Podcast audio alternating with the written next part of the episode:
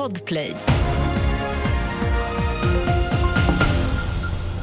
Vi börjar med att priset på matvaror fortsatte att öka förra månaden. Det visar nya siffror från sajten Matpriskollen. Totalt steg priserna på mat med 0,2 procent i november. Frukt och bär var det som steg mest i pris. Samtidigt sjönk priset på grönsaker och kaffe.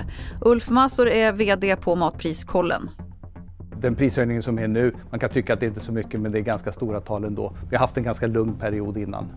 Och vad beror den här ökningen på? Ja, det är ju, en del av det är ju sånt så att det, efter, det tar väldigt tid att prisförändra någonting i den här branschen. Och en hel del är valutaeffekter, att vi har en svag svensk valuta.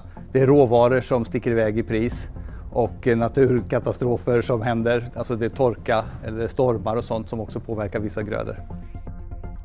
Israels offensiv i Gaza fortsätter även i de södra delarna av landremsan. Anfallen kommer från luften men även i form av en markoffensiv. Israel fortsätter även att uppmana människor i flera områden att evakuera. Samtidigt varnar FN för att de säkerhetszoner dit Gazaborna uppmanas att ta sig är överfulla. Till sist kan vi berätta att Ringhals 4 åter, återstartades tidigt i morse efter att ha varit ur drift sedan i onsdags. Återstarten har skjutits upp flera gånger och produktionsstoppet har lett till höga elpriser i södra Sverige. Avbrottet berodde på en avvikelse i en ventil som man nu har åtgärdat. Fler nyheter finns på tv4.se. Jag heter Lotta Wall.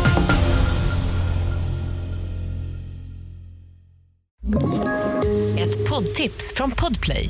I fallen jag aldrig glömmer djupdyker Hasse Aro i arbetet bakom några av Sveriges mest uppseendeväckande brottsutredningar. Går vi in med hemlig telefonavlyssning och, och då upplever vi att vi får en total förändring av hans beteende. Vad är det som händer nu? Vem är det som läcker? Och så säger han att jag är kriminell, jag har varit kriminell i hela mitt liv men att mörda ett barn, där går min gräns. Nya säsongen av Fallen jag aldrig glömmer på Podplay.